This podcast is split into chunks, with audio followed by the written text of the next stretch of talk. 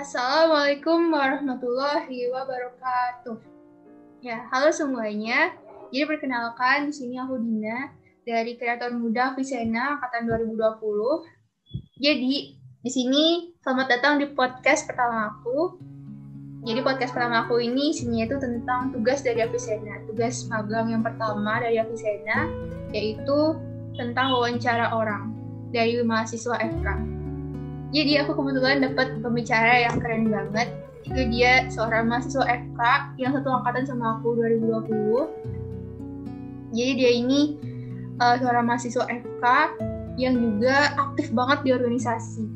Jadi dia itu tergabung di Bapin dan aku kenal dia itu dari Bapin. Dia itu masuk ke divisi Kamilnas selain itu aku juga kenal dia dari Instagramnya yang diatur banget feedsnya. Kayak dia tuh punya passion banget di uh, fotografi, videografi, dan juga di public relation. Ya Bi? Kayak gitu. Iya benar banget. Aduh itu keren banget sih Bi. Terus Abi ini, dia itu juga seorang founder loh dari sebuah platform online yaitu at literasi bergerak yang udah dia jalanin sama temen-temennya udah sekitar satu tahun gitu. Jadi dia selain bisa jadi mahasiswa FK, dia juga punya passion juga. Dia bisa ngembangin passionnya di bidang fotografi. Dan dia juga bisa jadi founder gitu. Dia bisa ngejalanin suatu platform. Kayak gitu tuh kayak keren banget nih sih? Jadi mari kita sambut aja nih langsung aja. Namanya Abi. Muhammad Abi Gufari Siregar. Halo Abi. Ayo kenalan dulu.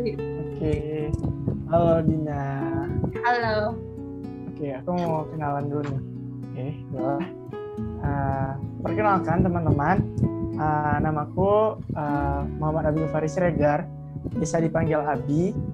Uh, aku dari aku dari Universitas Andalas, ya FK FK Unan, angkatan 2020 sama seperti Dina. Ya asalku Aceh. Ya aku termasuk uh, anak rantau lah ke Padang ini. Jadi okay. mungkin gitu aja sih yang bisa aku kenalin. Mungkin nanti uh, kita kenal lebih jauh lagi ketika Dina bertanya-tanya dan berdiskusi bareng aku. Iya, makasih banget. Makasih banget Abi. Ya. Jadi tadi udah dibilang ya Abi. Abi tuh kan dari Unan. Unan tuh di Padang. Mungkin Abi bisa kasih tahu deh. Tadi aku bilang kamu tuh anak rantau. Terus kamu tuh tadi tuh tapi namanya tuh Siregar. Aku taunya Siregar tuh orang Sumatera. tapi kayaknya itu kamu pernah bilang kan Siraga tuh dia suku Batak kan. Iya benar benar sekali. Kok bisa kamu jadi Aceh itu coba kamu ceritain. Oke. Okay.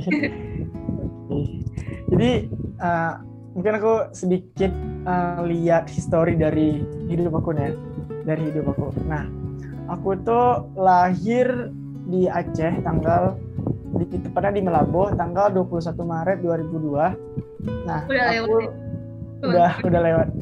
Jadi aku dari kecil tuh dari bayi dari bayi aku di sana sampai aku SMA di sana. Jadi memang uh, kalau dibilang aku orang mana ya pasti karena aku uh, berasal dari sana memang dari kecil dari sana lahir di sana semuanya di sana aku pasti bilang aku anak Aceh. Nah tapi uh, kalau misalkan dilihat dari namaku kenapa aku ada siregarnya ada marganya ya karena uh, orang tuaku itu juga Siregar gitu jadi orang tuaku juga uh, keturunan dari uh, Siregar dan itu turun turun temurun kan dan bapakku tuh orang Medan uh, Martin Siregar dan merantau ke Aceh dan ketika itu barulah menikah dengan ibuku dan lahirlah seorang Abi gitu. Wah. Jadi kurang lebih seperti itu. Dan terakhir aku merantau nih, aku merantau ke Padang ya karena aku diterima di uh, Fakultas Kedokteran Universitas Andalas. Nah, otomatis kan uh, dari Aceh juga punya keturunan di uh, Sumatera Utara, oh, iya. kuliahnya di Sumatera Barat. Jadi aku tuh Sumatera banget gitu. Iya kamu Sumatera banget. Itu kayak orang Sumatera banget nggak sih? Iya, tapi kalau ditanya aku orang Indonesia kok Indonesia. Iya. Itu berarti kamu kalau mudik ke mana? Mudik? Oh, kalau mudik ya pasti ke Aceh kan. Walaupun aku tahu kalau misalkan kampung aku tuh kalau nggak salah Tapanuli. uh, Tepung Selatan kalau nggak salah. Aku juga belum pernah ke sana. Cuman ya tahu itu aja sih karena rata-rata marga Siregar itu uh, jatuhnya tuh keluarganya tuh di sana. Ya walaupun aku nggak tahu silsilah dalamnya. Yang terpenting aku tahu uh, bahwa aku itu Siregar, aku tuh punya marga, aku tuh punya da tempat yang khusus gitu, kampung halaman. Tapi itu bukan jadi uh, kampung halaman aku, tapi kampung halaman apa ya keturunan-keturunan di atas aku gitu loh. Wow. Jadi gitu. Wow jadi kamu kayak ada Sumatera Utaranya, kamu juga ada Sumatera Selatannya, kamu juga ada Sumatera Barat, eh Sumatera Barat. Enggak, Sumatera, Sumatera, Sumatera, enggak, enggak Aceh, uh-huh. Sumatera Utara sama Sumatera Barat, enggak Sumatera Selatan. Enggak sih? Iya Sumatera Barat. Oh ya, tapi kampung Aceh. halamannya aja Sumatera Selatan. Apa? Kampung halamannya aja di Sumatera. Enggak, enggak, enggak. itu Tapanuli Selatan. Tapanuli, Tapanuli. Iya itu daerah di ini daerah di Sumatera Utara. Ada. Oh. Gitu. Iya gitu. Kayak Sumatera banget ya. Terus tau nggak bi? Jadi aku tuh punya teman-teman aku sih, teman-teman aku juga kayak pada bilang kalau Sumatera itu dia tuh ambis banget. Dia tuh kayak ada semangatnya gitu, semangatnya tuh kayak beda. Kayak apa ya? Semangatnya tuh kayak ambis-ambis itu loh. Tau gak sih? yang kayak suka kalau ngelihat itu nih itu selalu ke depan dan nggak terlalu musingin yang kata-kata orang kayak gitu gitu itu bener gak sih itu bener sih menurut aku bener sih tapi itu ada nggak sih itu kayak kamu rasain dari lingkunganmu tuh dari orang Sum dari lingkungan orang Sumatera itu mungkin kayak gimana sih itu sebenarnya? Oke, okay. nggak sih pertanyaannya. Kalau menurut aku sih apa ya karena ya, apa ya general general uh, Sumatera tuh nah perjuangan kan jadi kalau kita lihat sejarah lagi gimana sela-sela orang-orang zaman dahulu orang-orang uh, mungkin lihatlah uh, kayak pra pra kemerdekaan jadi sebelum kemerdekaan itu kan uh, pahlawan-pahlawan kita tuh kayak berjibaku kan berjibaku untuk membela Indonesia. Nah banyak tuh pahlawan-pahlawan kita banyak tuh orang-orang uh, yang membangun Indonesia seperti Muhatta, terus ada Buya Hamka juga ada ulama dari Sumatera Barat, terus juga banyak pejuang-pejuang uh, Islam ataupun pejuang-pejuang kemerdekaan yang bisa kita lihat di Sumut juga ada. Kalau misalkan di Aceh ada Tuku Umar, ada Cidi Nyadin, bahkan rame uh, Imam Bonjol, bisa bilang banyak orang-orang yang memang uh, punya effort besar dalam perjuangan uh, dalam Indonesia ini dalam kemerdekaan Indonesia. Jadi menurut aku tuh banyaknya pahlawan ini tuh kayak memberikan sebuah semangat juga kepada masyarakat masyarakatnya. Karena yang aku lihat dari orang Sumatera itu uh, ya bukannya gimana gimana, tapi ya uh, dengan kondisi kondisi baik itu sisi, sisi ekonomi, baik itu sisi pemerintahan, baik itu memang dari nenek moyangnya itu tuh memang punya kayak semacam perjuangan gitu jadi semacam punya apa ya rasa rasa andil rasa rasa rasa bisa gitu dalam membangun sebuah hal gitu. Bahkan e, bisa kita lihat budaya-budaya di sini tuh terkadang masih ada gitu masih kental masih di, diikuti walaupun e, terkadang udah bercampur dengan e, Islam alhamdulillah kan. Jadi ya setidaknya tuh uh, masih ada loh seperti gairah-gairah zaman dulu yang yang tertanam dalam uh, bumi bumi Sumatera ini. Karena ya bisa kita lihat kan uh, ya seperti itulah. Tapi kalau misalkan dinilai uh, apakah ambis atau enggaknya itu ya tergantung orang sih. Kalau menurut aku tergantung orang tergantung bagaimana dia menyikapi hal ini gitu. Kalau misalkan dia sadar dengan peran dia sebagai uh, mungkin anak Sumatera atau enggak uh, ya daerah dia mungkin daerah masih tertinggal maybe daripada Jawa. Yang Jawa memang udah sangat-sangat bagus kan? Uh, metropolitan rata-rata kan? Uh, kotanya gitu. Ya sebenarnya Sumatera itu punya motivasi gitu. Motivasi kayak contohnya aku nih aku semoga selesai uh, dari kedokteran sekolah spesialis barulah aku balik ke daerahku ke Aceh. Nah baru nanti aku bangun di sana gitu. Jadi kayak semacam punya motivasi tersendiri gitu karena masing-masing punya motivasi nggak sih? Masing-masing punya apa ya sebuah gairah gitu. Nah itu kembali lagi pada orang-orangnya dan lingkungannya yang jelas. Karena lingkungan tuh bakal berpengaruh banget sih. Kalau teman-temannya itu pada mikirnya jauh idealisme realisme pengen mewujudin nih sebuah hal yang memang bermanfaat bagi orang banyak ya pasti bakal dilakuin gitu. Dan sebaliknya ada orang-orang yang nggak uh, peduli dengan hal-hal semacam ini ya, yang penting hidupnya aman yang penting hidupnya santai yang penting hidupnya hedon dan lain ya jalanin aja gitu. Dan dia nggak mikir untuk orang lain. Ya itu juga itu salah. Bukan salah sih. Di tepatnya kayak mungkin belum aja kali atau enggak dia memang ingin uh, diri dia aja. Tapi orang seperti itu sih kurang bagus sih itu gitu sih. Oh gitu. Santai aja. Jadi sama lah ya. Oh, tapi itu kayak pengaruh sejarahnya itu kayak kuat banget ya berarti ya. Aku cuma pernah ya. bisa jadi aku cuma pernah dua hari ke Padang itu dan itu emang kayak itu sih aku aku ke museumnya itu dan dia tuh emang kayak waktu dia orang museumnya tuh ngejelasin tentang sejarah Sumatera tuh emang kayak menggugup gitu sih. Kayak hmm. apa ya, ya mereka tuh kamu ya sama orang-orang Sumatera. Itu kayak semuanya tuh sangat sangat ini sangat menghargai sejarah kayak gitu sih kayaknya menurut aku sih terus juga lingkungannya itu juga um, kalau kamu lingkungan kayak gimana bi? Itu lingkungannya tuh berarti kamu kalau misalnya nih kayak ada kayak kamu tuh pingin sesuatu, pingin mewujudin cita-cita, itu tuh bareng itu ngebahasnya tuh bareng berarti itu ya? Kayak yeah. harus ngikutnya bareng. Iya yeah, iya. Yeah. Aku punya teman-teman punya teman di daerah di Aceh kan di yeah. kotaku itu tuh kami punya kayak semacam cita-cita bersama gitu loh. Apalagi kayak cita-cita bersama gitu. Oh, okay. jadi kayak uh, karena alhamdulillah fokuskan itu lebih ke Islam gitu kan lebih ke agama. Jadi setidaknya kami tuh fokus aja dengan studi kami masing-masing. Contohnya aku aku kedokteran. Nanti ada temanku yang uh, di fakultas pertanian. Nanti ada temanku yang fakultas hukum atau enggak fakultas uh, kelautan gitu. Jadi ketika kami udah selesai. Mungkin uh, apa ya uh, lambat laun kami belajar banyak hal kami juga belajar agama kami juga paham konsep-konsepnya.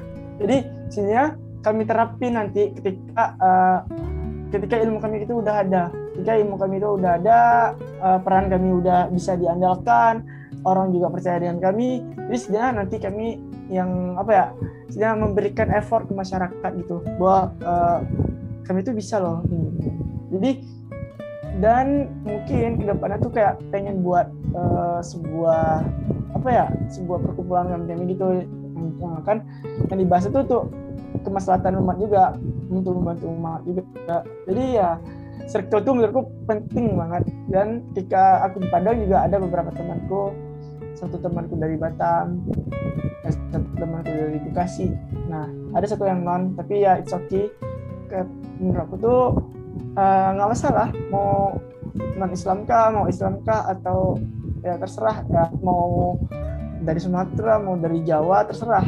Yang penting tuh kayak punya sebuah effort aja dalam dalam sebuah relationship gitu loh. Jadi kayak semacam uh, aku misalkan sedih atau aku aku uh, senang atau apa ya sedih senang itu pun selalu ada itu loh teman-temanku nih. Jadi kayak iya kalau misalkan diajak uh, nongkrong sabi gitu kan. Kalau misalkan diajak serius sabi gitu.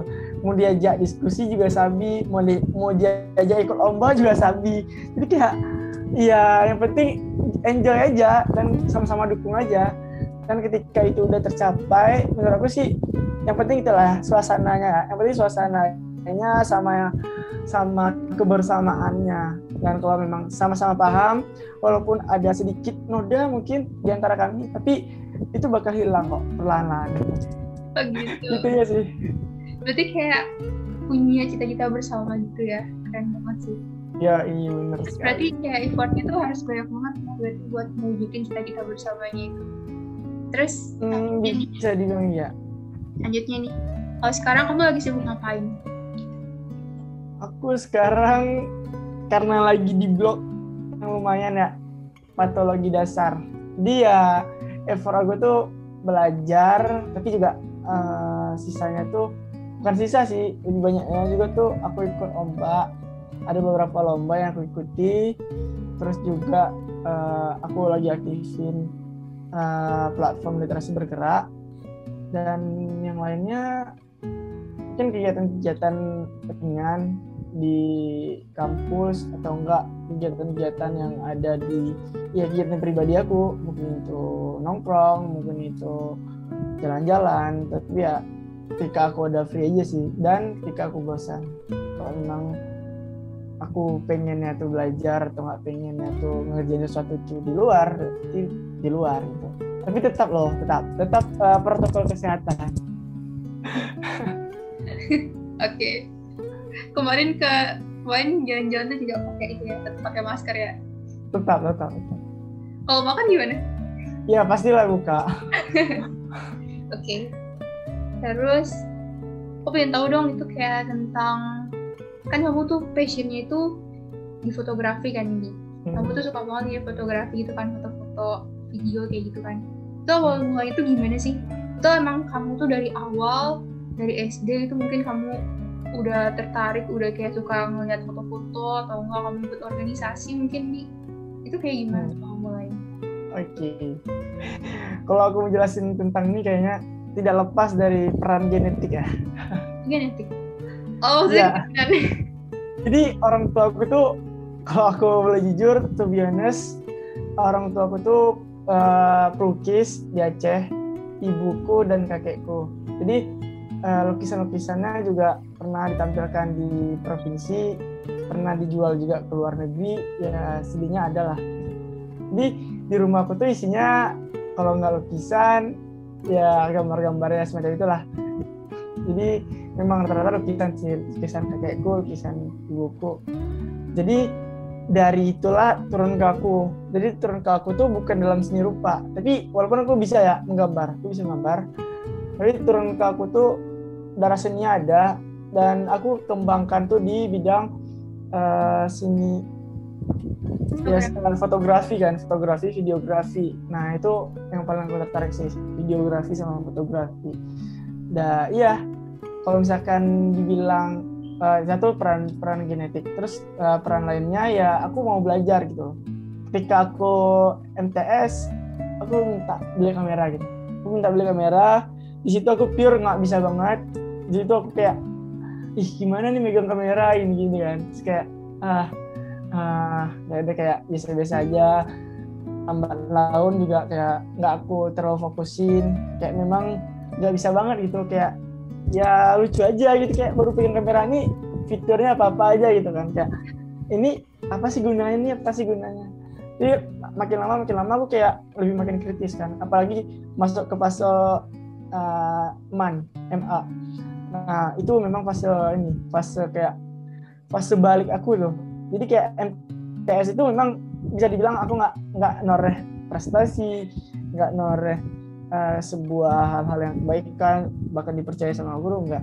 Tapi ketika aku uh, eh, MA di situlah uh, apa titik perubahan yang aku buat itu di sanalah aku mulai kritis aku mulai kayak mikir sesuatu gitu tujuan sebab dan akibat ya pokoknya banyak lah dan ketika itu aku punya kamera nih.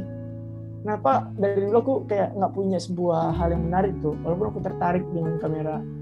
Kayak gimana ya aku pelajari? Terus aku lama-lama aku kayak pelajari lebih dalam. Terus aku tahu fitur-fiturnya aku tahu gimana gunaannya segitiga exposure dan lain-lain. Jadi kayak ilmu tentang fotografi videografi itu aku dapat gitu. Dengan pengalaman-pengalaman yang aku buat itu perlahan-lahan walaupun awal-awal aku ikut lomba terus kalah segala macam. Dan alhamdulillah juga banyak menang segala macam. Dan iya dari itu juga mengantarkan prestasi yang aku torehkan di bidang seni juga mengantarkan kelulusan aku di FK Unan kemarin. Keren banget. Keren banget. Berarti itu kamu awal mulanya itu dari MTS tuh ya? Terus apa? awal mulanya kamu megang kamera itu kan dari MTS terus habis iya iya. terus mulai. iya dari MTS ya terus dari... berkembang banget ke MA gitu kan. Hmm, hmm. keren banget. Terus kalau uh, mulai kamu sekarang suka jadi ketua kayak gitu gitu itu gimana tuh mulai? Oh, oke. Okay. itu tuh sebenarnya pikiran liarku sih. Pikiran liarku tuh pikiran liarku. Oh jadi pikiran aku tuh orangnya suka mikirkan apa ya banyak hal-hal gitu loh. Jadi kayak semacam kalau aku bisa effort tentang tentang ini kenapa enggak? gitu kalau misalkan banyak orang yang diam aja kenapa aku nggak bersuara? Jadi ya setidaknya aku kayak mikir gitu kan. Dan awal banget itu terjadi ketika aku di MA waktu itu aku memang nggak pernah jadi pemimpin upacara. Jadi kayak tertarik aja gitu. Jadi kayak aku baru SMA uh, siapa nih uh, anak baru yang pengen jadi ke pemimpin upacara? Ya udah aku angkat tangan. Aku angkat tangan. Kak saya pengen kak itu dengan pure aku nggak bisa apa-apa. Sudah nggak ada pengalaman jadi pemimpin upacara gitu. Jadi jadi dari situlah terakhir aku dipercayai asal ada upacara memang nggak ada siapa yang mau jadi pemimpin jadi aku yang dipanggil. Terus kayak awal-awal mulanya di situ terus kayak ah, berlanjut lagi aku pengen ikut organisasi pengen calonin jadi ketua osis. Jadi banyak lah jadi dari situlah mulai pikiran kritisku tuh uh, jalan. Jadi dan ketika di uh, se sebelum tamat dari dari sekolah sebelum lulus dari sekolah uh, banyaklah kegiatan-kegiatan yang nasional terus ikuti aku cari-cari relasinya. Jadi dari sanalah kayak makin ter, terpupuk kan uh, uh, kritis aku terus juga pengalaman pengalaman aku ikut organisasi segala macam. Jadi ketika di uh, kuliah ketika di FK aku udah punya ilmunya nih. Jadi setidaknya aku nggak seperti belajar, baru belajar lagi. Tapi aku udah udah udah belajar mengenai organisasi bagaimana uh, pengembangannya bagaimana tujuan-tujuannya. Dan itulah aku milih Bapin milih UKM milih apa pun yang mau aku jalani ke depannya itu punya tujuan tersendiri jadi nggak cuma milih-milih doang. Ini gitu sih. Berarti itu semuanya yang kamu lakuin sekarang tuh alasan itu kuat banget ya Bi? Iya jangan yeah, kuat. Terus selama kamu jalanin tuh semuanya tuh Bi dari awal banget itu itu kira-kira pasti banyak banget kan kerikil-kerikil yang kayak tantangan-tantangannya. Kayak gitu yes. pasti banyak dong. Kayak perjalananmu tuh kayak ya pan lumayan masih panjang dan ke depannya juga masih panjang hmm. itu menurut kamu nih tantangan terberat kamu waktu kamu lagi berusaha itu kira-kira kamu kayak kayak gimana tuh tantangan terberat kamu? Kalau tantangan terberatku sih sebenarnya kayak fokus sih. Fokus uh, untuk ngejalanin satu hal. Karena terkadang nih aku memang kayak banyak kegiatan gitu kan dalam satu hari. Memang dalam satu hari itu aku bisa ngeimbangin. Dan ketika aku melihat hal-hal yang memang harus difokuskan lagi seperti kayak akademik itu tuh kayak aku butuh effort lebih gitu loh untuk untuk kayak kembali kembali kayak kembali pada uh, tujuan utama aku ingin jadi uh, seorang dokter kan. Nah, kalau misalkan kegiatan-kegiatan tadi organisasi-organisasi ini memang banyak, tapi itu yang membuat fokus aku tuh uh, kurang gitu, fokus aku tuh kayak terpecahkan. Nah, mungkin uh, tantangan aku sih di situ sih. Dengan fokus sama bagi waktu juga sih, bagi waktu fokus dan uh, imbanginnya itu imbanginnya itu memang berat banget. Tapi uh, kalau aku pribadi solusi yang sedang aku lakuin adalah kayak mana uh, aku bisa kayak kasih kasih apa ya kasih masing-masing waktu gitu loh. Kayak misalkan hari ini aku ngapain aja terus besok ngapain aja terus suasananya gimana? Ya pokoknya yang penting ngejalanin aja sih. Dan ketika ada suatu cobaan ada sebuah, sebuah tantangan yang diberikan kepada aku jangan putus asa gitu loh. Jangan jangan sampai jatuh jangan sampai down banget. Karena masih ada kesempatan walaupun itu uh, memang terpuruk gitu loh. Jadi gitu ya teman-teman. Uh, yang bisa aku kasih ketika memang nggak ada orang yang percaya sama aku nggak ada orang yang dukung aku dan apa yang aku buat itu benar ya nggak masalah lambat laun juga mereka itu bakal sadar kalau kalau apa yang aku lakuin itu benar gitu jadi setidaknya nih setidaknya jangan takut untuk berbuat sesuatu. Kalau itu memang baik, kalau itu memang benar, ya jalan aja. Dan ketika memang nggak ada orang yang dukung, kamu memang jatuh banget, ya itu risiko, risiko. semua hal itu ada resiko dan ketika kamu udah menceburkan diri kamu di dalamnya ya mau tidak mau kamu bisa berkembang di sana. Mungkin gitu sih aku oh, jadi jangan takut ya buat ngelakuin semua semua hal-hal yang baik. Ada pasti lambat laun yeah. walaupun cepat atau lambat tuh pasti orang-orang juga bakal tahu apa yang kita lakuin tuh lebih baik. Kayak gitu ya Bia iya benar banget terus berarti sekarang ini uh, kamu uh, gimana nih? Kan tadi kamu bilang itu kan susah kan? Kayak membagi waktu antara jadi mahasiswa FK kan tujuan utama kamu jadi dokter itu kan? Sama hmm. passion passion kamu sama kamu juga harus membangun passion kamu dan kamu harus jadi founder kamu juga harus ngembangin literasi bergerak kedua. Itu itu gimana sih cara kamu ngebagiin skala prioritasnya tuh oke okay. terima kasih pertanyaannya kalau aku sendiri sih kayak melihat uh, semacam opportunity sih semacam peluang. Karena setiap apa yang aku lakuin tuh aku anggap tantangan. Jadi semacam uh, contohlah kegiatan wajibku tuh ada kan? Kegiatan wajib tuh uh, kayak kuliah. Itu aku memang udah patokin. Oh jam segini harus ada kuliah segala macam. Itu memang wajib banget itu nggak bisa ditinggalkan nah itu satu. Nah itu memang fokus-fokus banget. Jadi jangan jangan sampai dengan jadwal kuliah ini kita tuh kayak uh, eh, nyambi nyambi gitu dengan hal lain. Itu itu nggak boleh banget sih. Itu nggak boleh banget karena itu memang pokok. Nah untuk ngelakuin hal lain itu biasanya aku lihat peluang gitu. Kalau misalkan nih ada satu kegiatan ada satu jadwal kuliah yang reschedule berarti aku masih bisa dong ngelakuin hal lain. Terus misalkan nih uh, malam mungkin sebelum tidur aku bisa ngelakuin sesuatu hal. Baik itu proker misalkan proker di Bapin atau nggak proker di UKM gitu yang bisa aku kerjain. Gitu kan. Jadi bisa aja aku kerjain malam-malam sebelum tidur. Atau enggak uh, literasi bergerak. Jadi kayak semua tuh punya tempatnya gitu loh. Jadi setidaknya ketika ada sedikit aja waktu ya udah manfaatin aja waktu tersebut. Karena uh, waktu itu sebenarnya nggak bisa nggak bisa apa ya nggak bisa ditawar tawar tawar menawar gitu. Jadi ketika sedikit aja kita lengah kita udah hilang. Bayangkan nih 20 menit kita baca buku dengan 20 menit kita scroll IG itu beda banget effortnya beda beda banget uh, benefitnya. Ketika kita baca buku 20 menit baik itu buku FK uh, atau buku apa gitu self development. Itu kita udah punya sebuah pemikiran baru sebuah konsep gitu. Tapi ketika kita scroll IG doang 20 menit kita nggak mau apa-apa. Tapi bukan menyalahkan juga ya karena perlu juga refreshing. Terkadang uh, aku tipikal orang yang bosenan. Jadi kayak udah aku ngelakuin sesuatu untuk imbangin uh, mood aku untuk imbangin aku biar ter tetap produktif aku biasanya suka keluar gitu. Suka keluar ke suatu tempat. Ya aku cari juga sih jangan terlalu rame banget. Jadi cari tempat aku bawa laptop aku bawa kamera mungkin main-main sebentar. Jadi ya aku bawa aja gitu. Aku ngerjain proker aku aku ngerjain uh, tugas aku. Uh, dan setelah itu ya aku cari tempat baru gitu-gitu.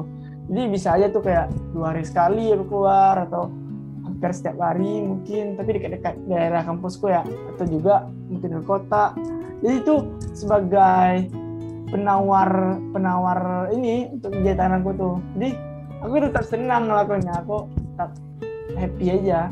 Karena ya nggak perlu gitu loh. Kayak nggak perlu apa ya yang ngelakuin kita kan. Jadi nggak perlu ada orang lain yang memang yang yang harus kita bahagiain gitu loh. Jadi sebenarnya kita kerjain dulu apa yang kita buat. Nanti dari yang kita buat itulah kita uh, bisa kasih manfaat bagi orang lain gitu. Jadi setidaknya fokus aja dulu dengan apa yang kita punya. Contohnya aku nih punya waktu lebih ya kan. Aku bantu Dina. Nah mungkin nanti aku iya. bantu, punya waktu lebih lain gitu kan. Aku bantu yang lain lagi.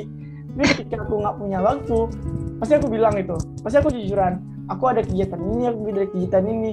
Mungkin aku bisa segini aku bisa segini. Mohon maaf banget ya.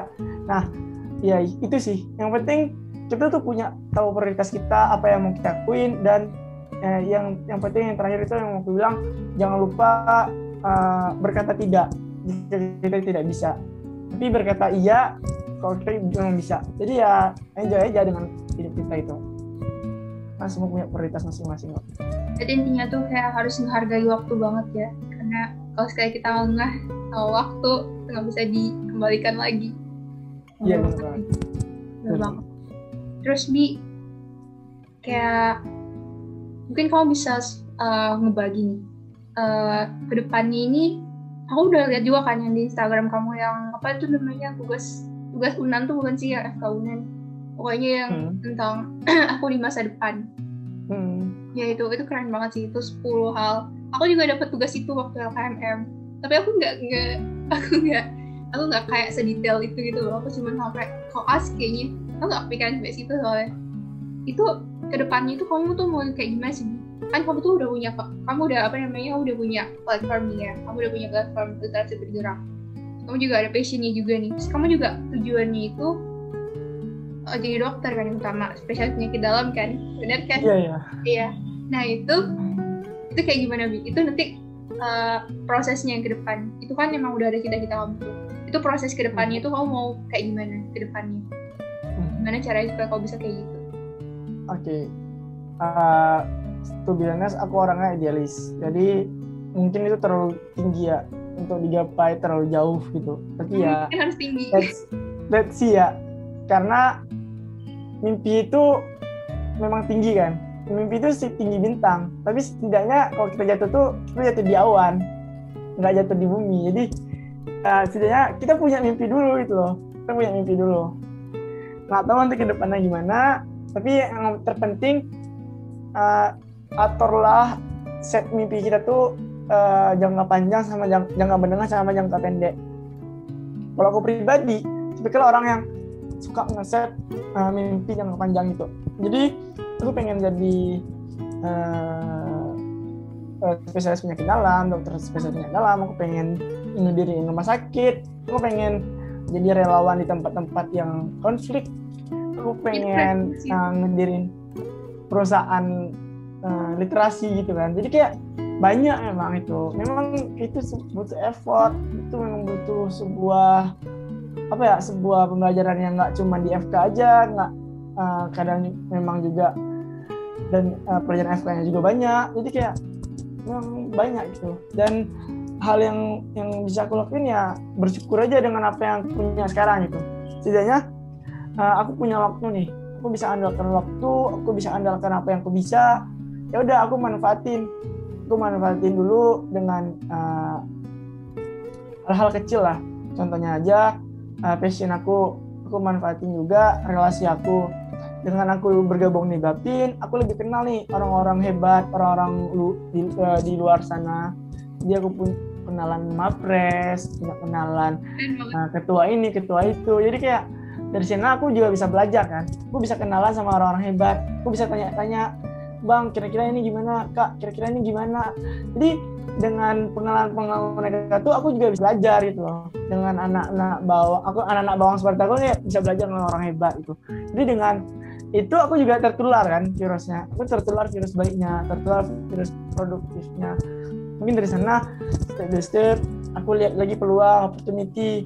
Aku tingkatin lagi strength aku supaya ketika aku untuk membangun sesuatu tuh di masa depan aku bisa dengan matang itu dan itu juga uh, untuk wujudkannya nggak nggak apa ya nggak mudah itu mungkin 20 tahun lagi atau uh, 30 tahun lagi. Tapi setidaknya aku punya uh, cita-cita jangka menengah. Walaupun aku masih mikir kan untuk cita-cita yang panjang tadi. Tapi setidaknya aku punya uh, cita-cita yang menengah jangka pendek gitu. Nah pendek ya apa yang bisa aku lakukan sekarang? Jangka menengah ya. Yang paling paling deket ya paling deket. Aku ikut UKM apa di tahun 2 terus aku nanti uh, ikut UKM apa di tahun 3 aku pengen ikut lomba apa di tahun 2 tahun 3 nah aku juga uh, ngapain aja nanti setelah lulus. Uh, uh, terus koas ngapain aja. Apakah aku ikut exchange kah atau ikut gitu-gitu data lain kah. Nah itu udah aku setting gitu loh. Jadi mau di tahun 2 tahun 3 aku pengen UKM ini aja. Kayaknya aku harus eliminasi satu UKM. Eliminasi dua UKM aku fokus satu UKM aja misalkan. Itu udah kayak tersetting gitu. Jadi setidaknya ketika uh, mau aku lakuin ya aku tetap ngelakuin itu. Karena udah aku setting. Nah mungkin uh, aku kayak ngelakuin lagi nggak ngecoba-coba lagi enggak karena aku pribadi di awal masa FK juga pengen banyak banget gitu. Oh, aku pengen ikut KM ini ikut KM ini ikut KM ini. Tapi kan aku mikir-mikir lagi kan ya kayaknya itu bukan prioritas aku itu bukan fokus aku aku pengen fokus di penelitian. Ini udah kenapa aku nggak ikut uh, eh, MRC aja? Uh, ku aja. Terus kayak wah ini ada pendaftaran Bapin ini aku lagi Instagram. Kayaknya seru deh kalau aku ikut. Ntar aku punya kenalan uh, luar daerah gitu kan. Kayaknya bagus deh. Ya udah aku daftar gitu. Karena itu punya uh, sebuah tujuan. Dan ketika tahun-tahun ke depannya ya aku bisa belajar dari sana belajar organisasi belajar pengalaman hidup ya sininya tuh manfaatin aja. Karena yang terpenting bagi aku tuh hal-hal kecil lah hal-hal kecil mungkin yang itu uh, efeknya besar banget. Seperti kenalan uh, relasi terus juga waktu terus juga uang terus juga uh, kesempatan. Nah kesempatan inilah yang mungkin semua orang punya dan ada juga orang yang punya. Jadi setidaknya ketika kita punya kesempatan kenapa nggak kita manfaatin? Kenapa kita abaikan? Kenapa kita diam aja? Ya udah selagi kita lakuin ya lakuin aja. Jadi ya gitulah. Kurang lebih. Keren banget. Berarti emang harus tekun gitu ya intinya harus tekun ya. buat mencapai semuanya itu. Terus tapi, tapi aku kayak itu aku tertarik banget sama yang mimpi kamu yang satunya itu yang yang kamu di masa depan yang itu apa namanya? Yang bagian ngebantu jadi relawan di di Timur Tengah ya di Timur Tengah. Itu kok kamu bisa ya, kepikiran gitu? Aku juga kepikiran sih tapi aku rada takut gitu kayak aku cewek tapi tapi nggak bisa sih kayak gitu. Kau eh, kau paling eh enggak lu jatuh. Kalau kamu kayak gimana? Iya, itu sebenarnya spontan aja sih, karena apa ya? Aku tuh nggak bisa nggak bisa tinggal diam gitu. Ketika ada saudaraku tuh kayak tertindas tuh, jadi ya aku pengen ngebantu. Mungkin sekarang aku nggak bisa ngebantu secara medis, mungkin aku bisa bantu secara doa ataupun media sosial. Jadi ya setidaknya dengan mudah-mudahan ketika ada bencana ketika ada semacam uh, kegiatan-kegiatan relawan gitu itu aku pengen ikutin walaupun kesempatannya jarang banget langka. Kan tapi ya pengen aja itu. Nah ya membantu sama tuh itu kayak tujuan aku juga masih SK hmm. banyak banget sih. Oh berarti itu kayak tujuan kamu masuk FK tujuan kamu jadi dokter. Itu uh, ya itu, itu salah satu. Membantu oh. orang lain. Hmm. kalau alasan kamu buat jadi dokter tuh apa alasan aku jadi dokter hmm. banyak sih alasan aku jadi dokter satu tuh yang paling mendorong aku itu uh, karena orang karena almarhum bapakku aku pernah cerita nggak sih Gi? Enggak, kamu baru cerita tentang bapakmu dari orang Batak aja.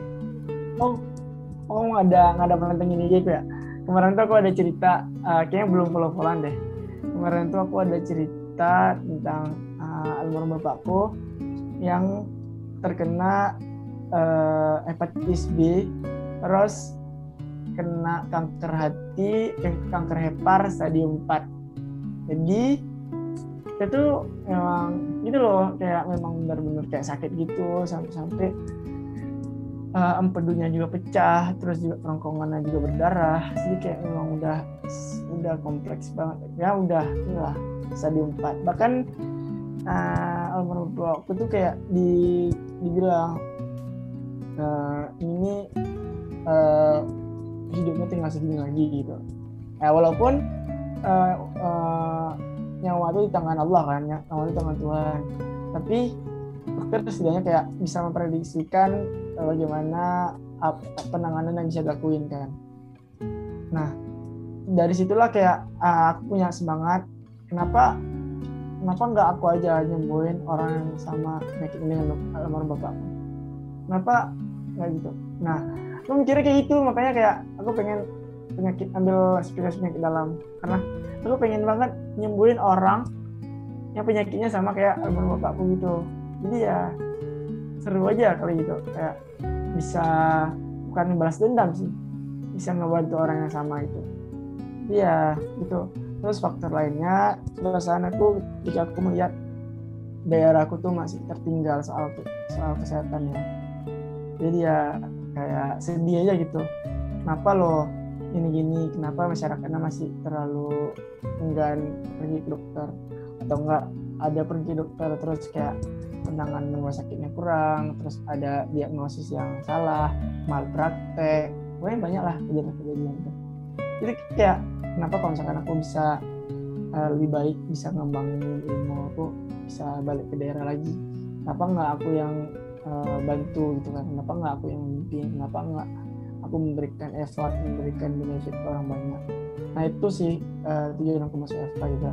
Aku pengen balik lagi ke daerahku yang palingan sih setelah spesialis ya mudah-mudahan. Amin. Amin. Nah, terus ya mungkin dua itu ya udah menjawab banget sih, ya, sih. Uh, alasan aku masuk FK tapi pasti kayak banyak banget kan alasannya buat mau jadi dokter itu. Karena itu kayak pekerjaan yang menyangkut nyawa. Kayak, ya. Mulia banget. tapi ya jangan ini lah ya jangan jangan apa? jangan apa ya jangan sedih juga kalau misalkan awal-awal tuh pengen nggak pengen masuk dokter karena paksaan orang tua santai aja lah. Mungkin awal-awal pengen kayak pengen keluar kan. Oh aku dipaksa sama orang tua. Gitu kan. Ya nggak masalah nggak masalah. Enjoy aja nanti ketika udah lama-lama kayak punya aja itu tujuan masing-masing. Kayak sadar aja nanti kenapa aku jadi dokter? Kenapa kenapa kenapa harus aku gitu? Nggak masalah. Pasti punya oh, punya orang masing-masing orang punya tujuannya. Walaupun itu positif atau negatif iya. Jadi itu perjalanan yang sangat panjang juga sih. Terus kerja apa? Uh, cara buat jadi dokter itu juga susah banget. Ya sih? Hmm. panjang terus susah gitu. Kalau kamu ada target nggak bi? Mau nanti yang mau ambil spesialisnya di mana? Kalau target sih ada sih. Cuman itu sebagai pilihan aja kan paling kalau aku cita-citanya pengen atau ambil spesialis di UI atau UGM atau enggak lainnya Unpad maybe. Ya mudah-mudahan aja terima kan. Tapi itu butuh effort sih. Dan ya. makanya sekarang perlu belajar bang. Ya sebisa aja Allah. Lagi blok apa bi tadi? Lagi blok patologi dasar. Iya. Wow. Berarti udah itu udah itu belum sih uh, pelajarin yang tentang penyakit-penyakit itu yang patologi? Ya, ya lagi patologi. Sekarang lagi di bagian uh, jejas, tumor, sama neoplasma. Hmm. Itu tuh banyak banget ininya apa uh, materinya.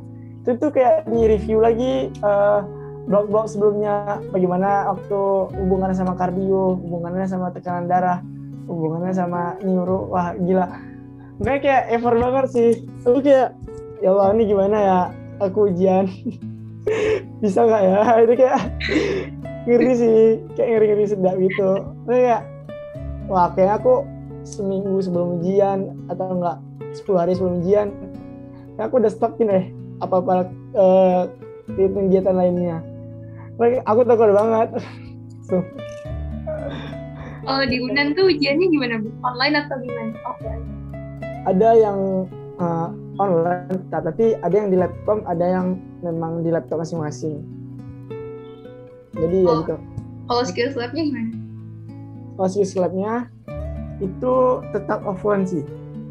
Ada juga yang online kalau misalkan kayak nanti uh, materinya tuh seperti uh, resep obat terus nanti ada resusitasi cairan visitasi cairan kan berarti hitung osmolaritas os osmolaritas osmotik itu onkotik gitu, gitu kan.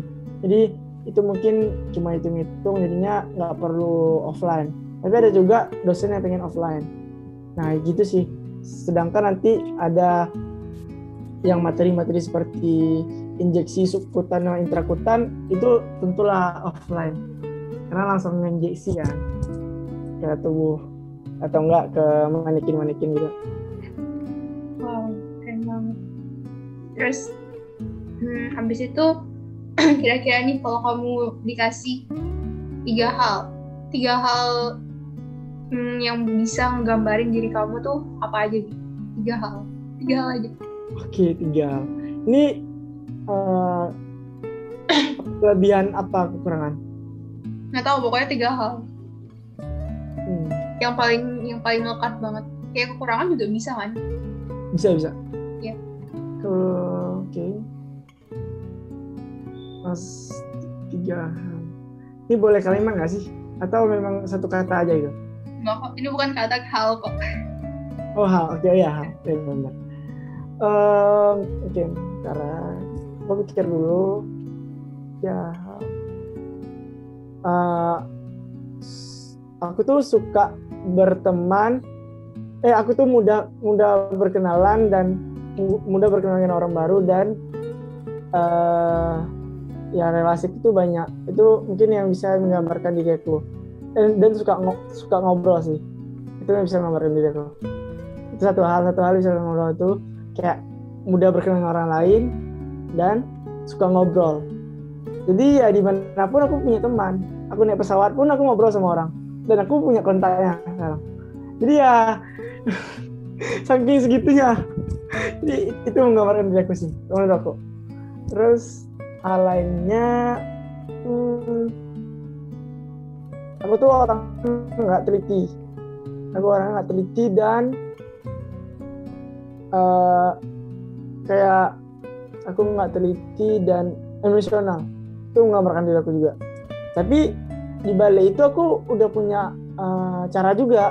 Gimana ketika aku bisa ngontrol emosi aku dan alhamdulillah aku juga lumayan yang ngontrol emosi aku. Tapi soal kayak kurang teliti ini memang jadi sebuah uh, tantangan aku juga challenge bagi aku juga. Karena bisa dilihat kan aku kadang tinggal ini tinggal itu atau nggak ngelakuin sesuatu tuh masih ada yang kurang. Ketika aku belajar mungkin masih ada titik-titik yang belum aku uh, jelajahi. Jadi ya nggak jadi ya itulah masih ada yang kurang kekurangannya itu menggambarkan diri aku banget sih. Karena orang bakal bisa lihat uh, kekurangan diri aku makanya aku sekarang kalau punya kekurangan kayak punya orang-orang yang bisa aku percaya untuk bantu aku untuk uh, hilangkan atau enggak uh, nambal kekurangan tersebut. Baik itu di organisasi baik itu di lingkungan baik di mana pun lah. Jadi itu menggambarkan diri aku sih. Dan kenapa aku masih bisa dibilang kelihatan baik-baik saja? Ya karena orang-orang sekitar aku juga. Terima kasih orang-orang sekitar aku ya mungkin yang kata terakhir menggambarkan diri aku apa ya? Aku itu orangnya jarang sedih atau enggak mudah survive kalau lagi sedih gitu. Ini menggambarkan diri aku. Karena karena kalau bisa bilang aku orangnya bukan mental health banget sih. Walaupun aku suka banget sama mental health. Mental health. Kan jadi Eh, konten-konten uh, yang aku nonton kadang-kadang lebih mengarah ke sana juga. YouTube aku mungkin. Ya terus sisi lain tuh kayak ngapain sedih? Kalau misalkan tuh ya nggak ada gunanya gitu loh. Mungkin sebentar sedih. Kalau memang terlalu lama sedihnya nggak guna juga kan. Nggak ada hal yang bisa kita lakuin. Dan bisa aja kita happy bisa aja kita uh, makan ini makan itu kita kasih effort uh, kita kasih reward ke diri kita kita kasih apa gitu ke diri kita kita main game kayak atau makan yang enak yang bikin mood kita lebih baik lagi. Ya bisa aja kan? Jadi ya santai aja gitu loh. Jadi nggak perlu kita kayak down banget terus kayak merasa di dunia ini kita orang yang uh, jelek banget dari satu kesalahan bisa merusak semuanya. Itu tidak ada itu tidak ada guys semua orang tuh punya kesalahan. Jadi nikmati aja prosesnya. Karena aku apa ya aku paling bersyukur kalau aku masih bisa berproses. Ya kalau kalau ada kesalahan ya it's okay. Kalau ada kelebihan it's okay. Jadi kayak ya udah. Walaupun kamu remet walaupun kamu remedial perlu kamu AMLT ya udah nggak apa-apa. Nggak jalanin aja. Jalanin aja. Kalau kata PPDS yang penting kamu tuh kebal. Terserah kamu mau lulus dokter 4 atau lima tahun SS nya yang penting selesai juga kan? Jadi kayak jangan sampai jangan sampai kamu udah di tahun 3 udah mau hampir lulus. Terus kayak ada satu remet yang buat kamu down terus kamu keluar dari FK itu nggak banget sih. Itu nggak banget. Jadi kayak ini jalanin aja hidup. Memang memang hidup tuh gitu loh. Memang banyak tantangan. Jadi ya oke okay. itu sih yang menggambarkan kok bisa kamu jarang sedih gitu Iya, iya, serius. Atau enggak kamu tuh udah tahu, Bi, kayaknya waktu kalau kamu tuh, misalnya kamu tuh sedih nih ya, terus kamu udah tahu tuh, eh aku kayaknya lagi, apa namanya, misalnya nih kamu tuh kayak lagi mumet gitu, atau enggak lagi bosen aja gitu kan. Yeah. Kamu udah tahu kalau kamu tuh bosen, jadi kamu tuh sebelum kamu sedih, nih kamu udah langsung pergi gitu, kayak. Iya, iya, iya benar. Ya, aku juga sering ngomong sama diri aku. Itu salah satu cara mental health juga, mental health untuk diri kita sendiri. Kamu ngomong sama diri ngomong, ngomong sama diri sendiri. Serius. Itu berguna banget. Kayak alhamdulillah bi. Kamu udah selesai ya tugas ini. Alhamdulillah bi. Kamu udah uh, udah sampai di titik ini loh. Walaupun kamu tuh banyak halangan. Kamu udah bisa gini loh. Kamu udah ada uh, kamu punya kelebihan di sini. Walaupun di, di bidang lain tuh kamu kurang alhamdulillah bi kamu masih, masih, bisa hidup masih bisa bernapas. Jadi ya disyukuri aja. Aku sering gitu ngomong ke diri aku sendiri. Ngobrol aja sama diri aku. Kayaknya aku jarang ngobrol sama diri sendiri sih. Kayak bilang nah itu perlu banget sih. Cobain tuh. Tapi itu dalam hati kan? Dalam hati kan? Iya dalam hati. Jangan ngobrol. Nggak mungkin. Nggak mungkin nggak mungkin. Kayaknya di depan cermin alhamdulillah. Oh, di depan cermin bisa aja kan? Iya. kan jangan di depan orang. Di depan orang ya. Iya, kalau kalau cerita-cerita ke teman-teman tuh gimana? Itu itu sama itu juga gitu nggak? Itu bisa nge apa namanya bikin kamu hilang mumetnya itu nggak? Oh, karena aku orangnya extrovert, jadi terus kalau bercerita, karena aku bilang dia aku suka ngomong, terus mengabarkan diri aku. INFP. Jadi ya, aku NFP, jadi ya santai lah. Kayak aku sekarang nih, energiku tuh kayak tercharger gitu. Jadi setelahnya aku juga bisa berpikir lagi, santai aja. Oh. Keren keren keren. Terus itu Wi yang tadi yang pertama kamu punya temen banyak banget relasinya.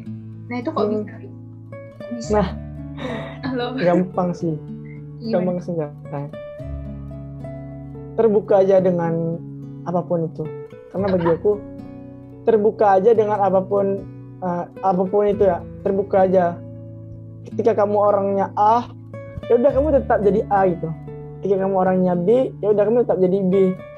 Jadi jangan kayak munafik kayak atau enggak kayak pengen deketin orang tuh untuk tujuan tertentu. Walaupun kita punya tujuan kan. Kita dekat sama satu orang kita punya tujuan. Kita pengen belajar dari dia misalkan. Kita pengen dekat karena kita pengen mencapai sesuatu bareng dia itu itu memang ada tujuan masing-masing. Tapi yang perlu kita tekanin bahwa uh, kita tuh nggak mau ngejelakain diri orang lain itu kita tuh pengen sama-sama kayak punya punya uh, manfaat. Ketika kita pengen belajar dari orang orang juga harusnya belajar dari kita. Walaupun itu sedikit ya. Jadi yang bisa aku bilang tuh jadi diri sendiri aja. Dan ya terbuka aja gitu. Kayak jangan jangan takut untuk bertanya. Jangan takut untuk berkenalan. Karena orang nggak nggak bakal makan diri kamu. Orang tuh manusia kok. Orang tuh manusia. Jadi nggak mungkin baru kenal terus kamu dimarah-marahin. Nggak mungkin. Kecuali kan kamu yang kayak menyerang gitu kan orang lain. Yang nggak mungkin. Dan untuk relasi itu bukan untuk mencari musuh untuk mencari teman. Jadi ya it's okay. Mau kamu cari teman di LinkedIn di Facebook kah di Instagram kah? Jadi ya selagi itu bisa dimanfaatkan sama-sama berguna ya udah cari aja sebanyak banyaknya karena ya itu penting banget sih menurutku gitu ya sih Din nggak ada spesifik banget caranya. Yang penting jadi diri kamu sendiri aja. Oh. biasanya berarti kamu tuh yang ngajak kenalan orang gitu ya? Iya ya gue ngajak kenalan orang. Oh. di Instagram karena aku orangnya kepo karena aku orangnya kepo juga. Kepo kayak, kayak aku pengen belajar sesuatu kalau aku belum bisa aku nanya ke orang yang bisa. Sudah sampai aku tahu. Jadi ya itulah. Cari tahu. Cari tahu aku add. Contohnya kecilnya itu ketika aku baru masuk FK nah aku nggak tahu nih FK Unan. Aku juga nggak tahu kan aku dari jauh kan. Terus kayak aku nggak tahu ngapain nih. Nggak ada kenalan aku. Sama sekali nggak ada kenalan. Tapi uh, aku cari tahu gimana FK Unan gimana sejarahnya terus gimana? Sejarahnya? Ya sejarahnya dikit-dikit tahu lah. Terus kayak uh, ada cutting-cutting yang kayaknya abang ini terkenal deh. Coba aja follow gitu kan. Oh friend di follow back dong. Ya udah ajak kenalan terus terus cek. Kalau nggak di follow back juga nggak apa-apa kalau awal-awalnya. Jadi kayak hmm, tanya-tanya kan kak gimana sih Unan gimana sih Unan gitu kan oh Unan tuh gini-gini. Nah pokoknya gitulah. Kayak punya uh, sebuah hal yang bisa kita capai itu. Punya tujuan gitu dalam berteman pada orang lain. Dan enjoy aja. Uh, ya nikmati prosesnya aja. Karena terkadang terkadang mungkin di awal-awal uh, tujuan kita untuk berkenal orang lain itu pengen tahu aja. Mungkin ke depannya dari pengen tahu pengen berkembang mengembangkan lagi sering mengembangkan pengen ngajak bareng pokoknya banyak lah tujuannya jadi ya rasain aja tujuan-tujuan kecil itu sebenarnya dalam berkenalan orang dengan berkenalan dengan orang lain itu apa ya jadi sebuah manfaat juga baik bagi diri kita maupun orang lain. Wow, keren banget. Kalau gitu capek ya? Enggak enggak enggak santai santai santai santai santai santai. Tapi ini udah ini sih udah lumayan lama. Terus udah di lumayan ke akhir-akhir juga. Ini yang ini sih. Kamu tuh kan orang itu uh, apa namanya? Kayak banyak banyak apa namanya banyak harus kerja buat capai sesuatu itu kan tadi juga kamu bilang kamu tuh kepo kamu harus pokoknya kok sampai kamu sampai kamu dapat gitu loh ya gak sih orangnya itu maupun hmm. mau itu informasi mau itu tujuan pokoknya harus kamu dapat kan hmm. Tuh kamu punya gak sih satu quote yang kamu jadiin patokan banget buat diri kamu yang buat kamu terapin buat sehari-hari kayak gitu oke bentar ini kayak menarik deh ini kalau ada yang follow Twitter aku, aku semangat. Aku follow ya. Apa Twitternya? Jangan deh.